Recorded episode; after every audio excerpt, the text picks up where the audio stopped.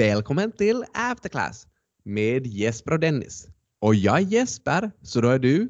Dennis. Perfekt. Har du något nytt att berätta för oss idag? Ja, Tim Cook hade väl varit i Kina. Okej? Okay.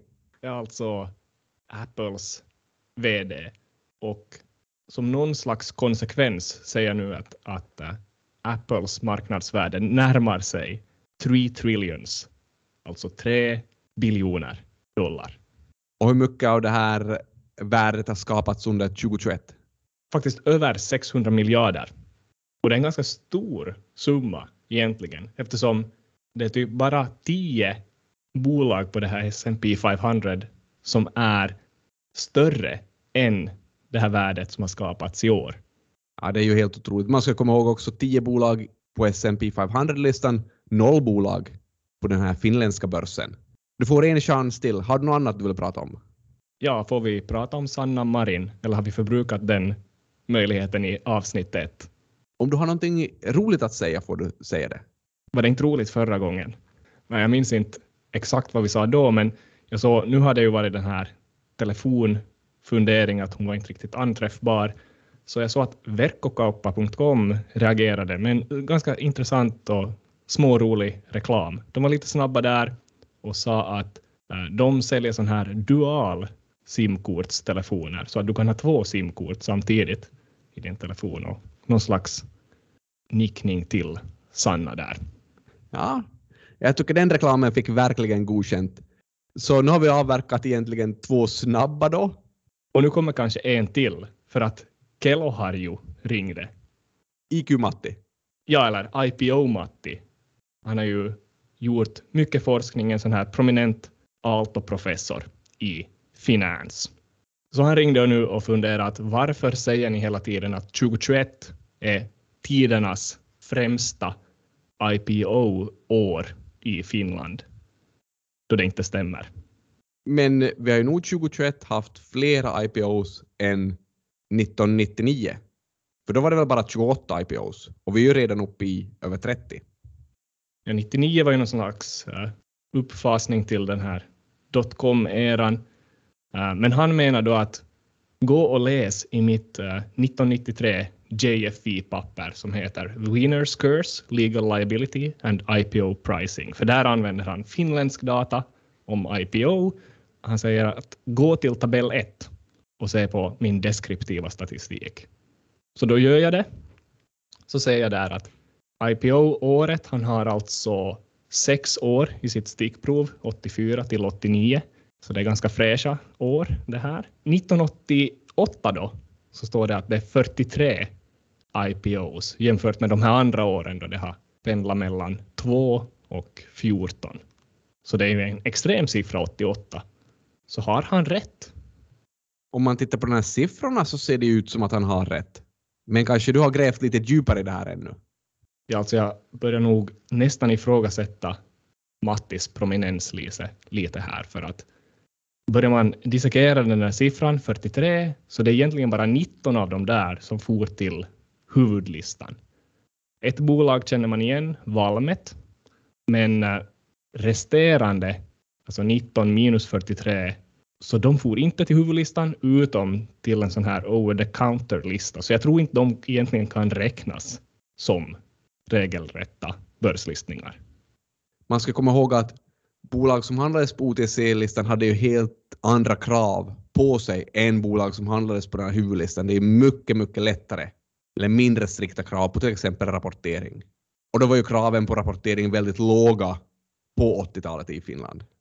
Så att vi konkluderar, Matti, ibland har du fel. Den här veckan var ju Kempower på tur att bli då kanske det trettionde bolaget att komma in i år. Den här gången på First North-listan som då har mer krav än OTC-listan. Än OTC-listan hade 1988. Det är korrekt. Vad jag har förstått så är Kempower positionerade på så sätt att de tycker att DC är bättre än AC. Och AC, det är ju vår afterclass podcast. Så vad är då DC? Så det är direct current i det här fallet. De gör ju egentligen sådana här stora laddningsstationer till elbilar och andra typer av elfordon. Så det är lite så här business to business företag. Ägs av det här Kempi Group från Lahtis. Okej, så i det här fallet så hade vi ingen private equity-investerare med. Nej, exakt. Så är det. Det finns ju också ett systerbolag, Kempi, som gör sån här svetsar. Okej, så det är laddningsstationer och det är svetsar. Men hur blir det då den här hela listningen? Är det på så sätt att Kempi Group säljer bort en del av sina aktier? Eller tar de bara in nytt kapital? Det är bara nytt kapital som ska in. 87 miljoner vad jag förstår. 6 miljoner kommer gå till listningskostnader. Så det är ju de, de här kraven som vi pratar om då, så det kostar. 8 miljoner säger jag också ska gå tillbaks till Kempi Group. För att de har tidigare fått sån här koncernlån kan man säga. Rent generellt känns det som att det här låter lite misstänksamt. Att man tar in nytt kapital för att egentligen då betala tillbaka gamla lån till sig själv. Ja, det kan te sig lite märkligt, men egentligen eh, det är väl det här för bolaget Kempower då så är ganska ungt, att det finns data från 2018 och framåt. Omsättningen har som växt explosionsartat efter det, men varje år har, har man gått ungefär så där 100-200 000 på plus. Det är ju helt suveränt om man har ett litet bolag som växer men ändå gör plusresultat varje år. Ja, men granskar man just den där resultaträkningen lite närmare då så ser man att operativt så är det nog alltid stora förluster. Men sen kommer det där koncernlånet in då som gör att förlusten blir en liten, liten vinst. Låter det i mina öron som man idkar ganska så här frikostig kreativ bokföring? No, det finns kanske olika incitament att göra det där. En sak är väl till exempel att skatten på koncernnivå minskas. Men men, det var Kempower. Så det var om Kempower och deras laddningsstationer. Laddande av elektriska saker har ju också varit på tapeten den här veckan. Och då tänker jag mest på hur dyrt det har blivit att ladda sin elbil om man har haft ett rörligt elpris. Ja, det finns ju kanske någon som har sån här Fortum Tarka avtal, det vill säga att, att priset är rörligt enligt, enligt det här spotmarknadspriset. Googlar jag nu det här Fortum Tarka så kommer nästa förslag upp som Fortum Tarka Irti Sanominen. Alltså, är det möjligtvis så att folk vill säga upp det där nu? Och det förstår man ju. För tisdags på morgonen så kostade en megawattimme 1200 euro.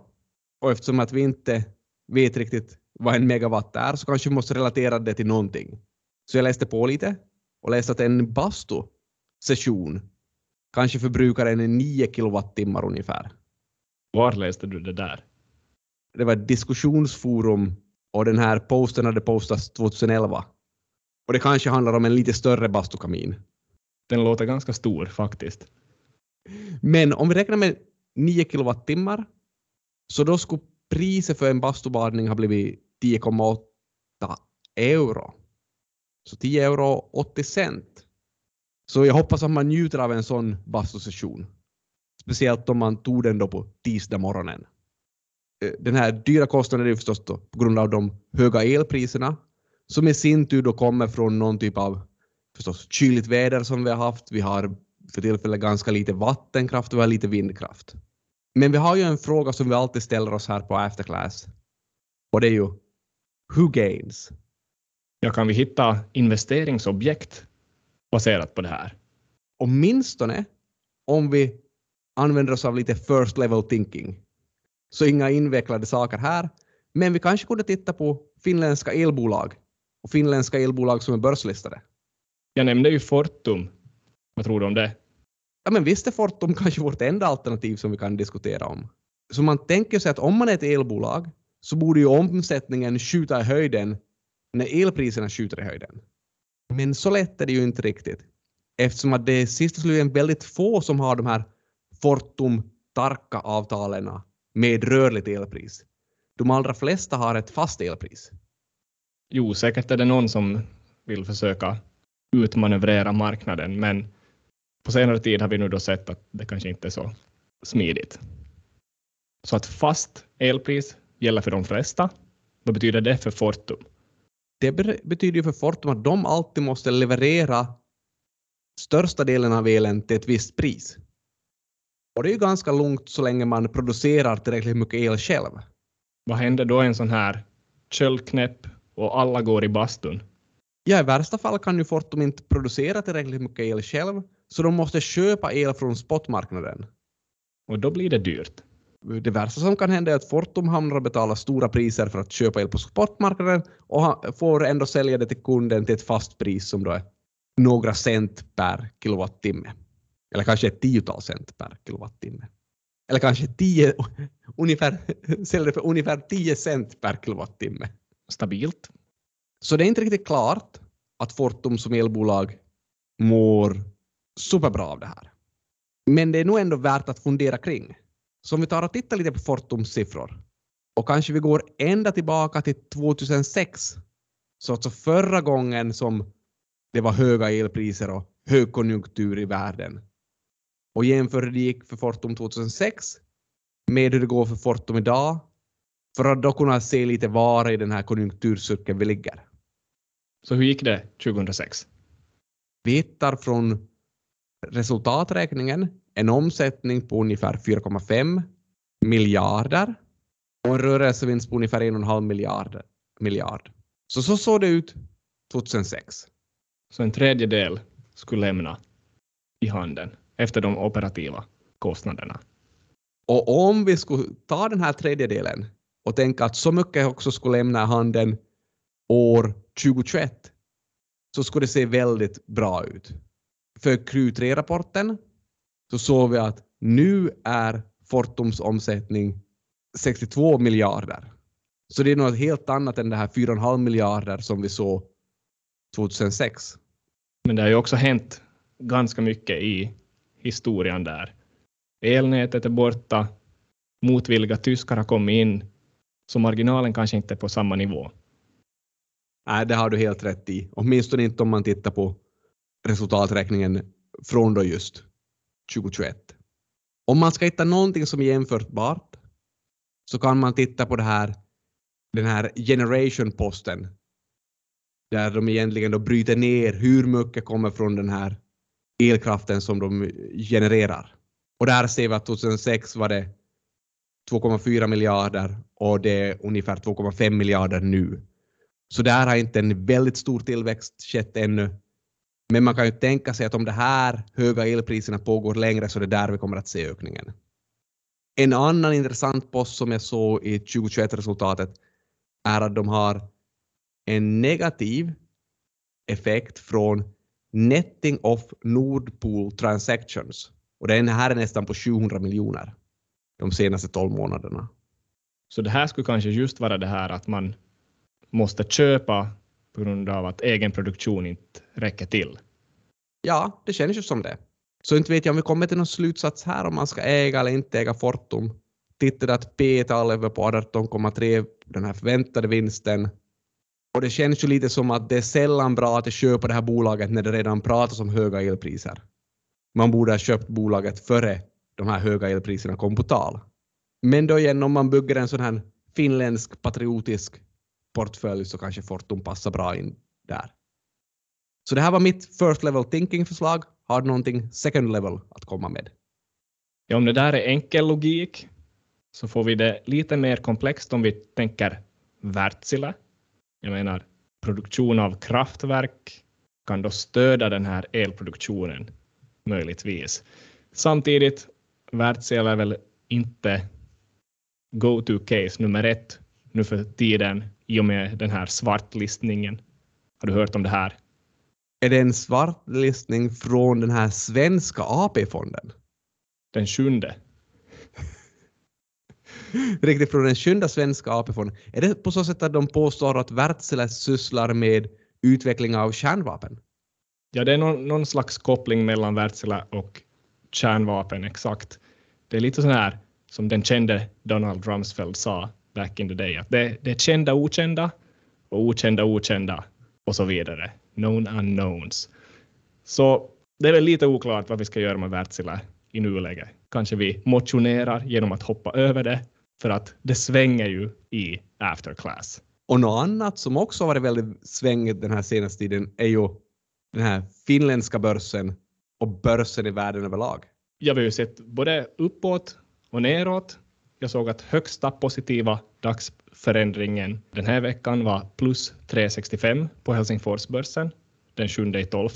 Tidigare i år får man gå tillbaka till 7 första för att se en 2,77 procentig uppåt förändring. Vill vi se en negativ dagsförändring tidigare i år så var den största 26.11, alltså också riktigt nyligen, minus 3,51. Så det går helt klart upp och ner. Sist det svängde så här mycket i december var 1999. Gör det att vi blir lite oroliga om vi tror på att mönster upprepar sig? Ja, men samtidigt, vi kan väl inte leva enligt historiska mönster. Vi måste bara helt enkelt anta att afterclass fortsätter enligt sitt historiska mönster. Så vi väntar och ser om det möjligtvis kommer nya insikter nästa vecka i after class.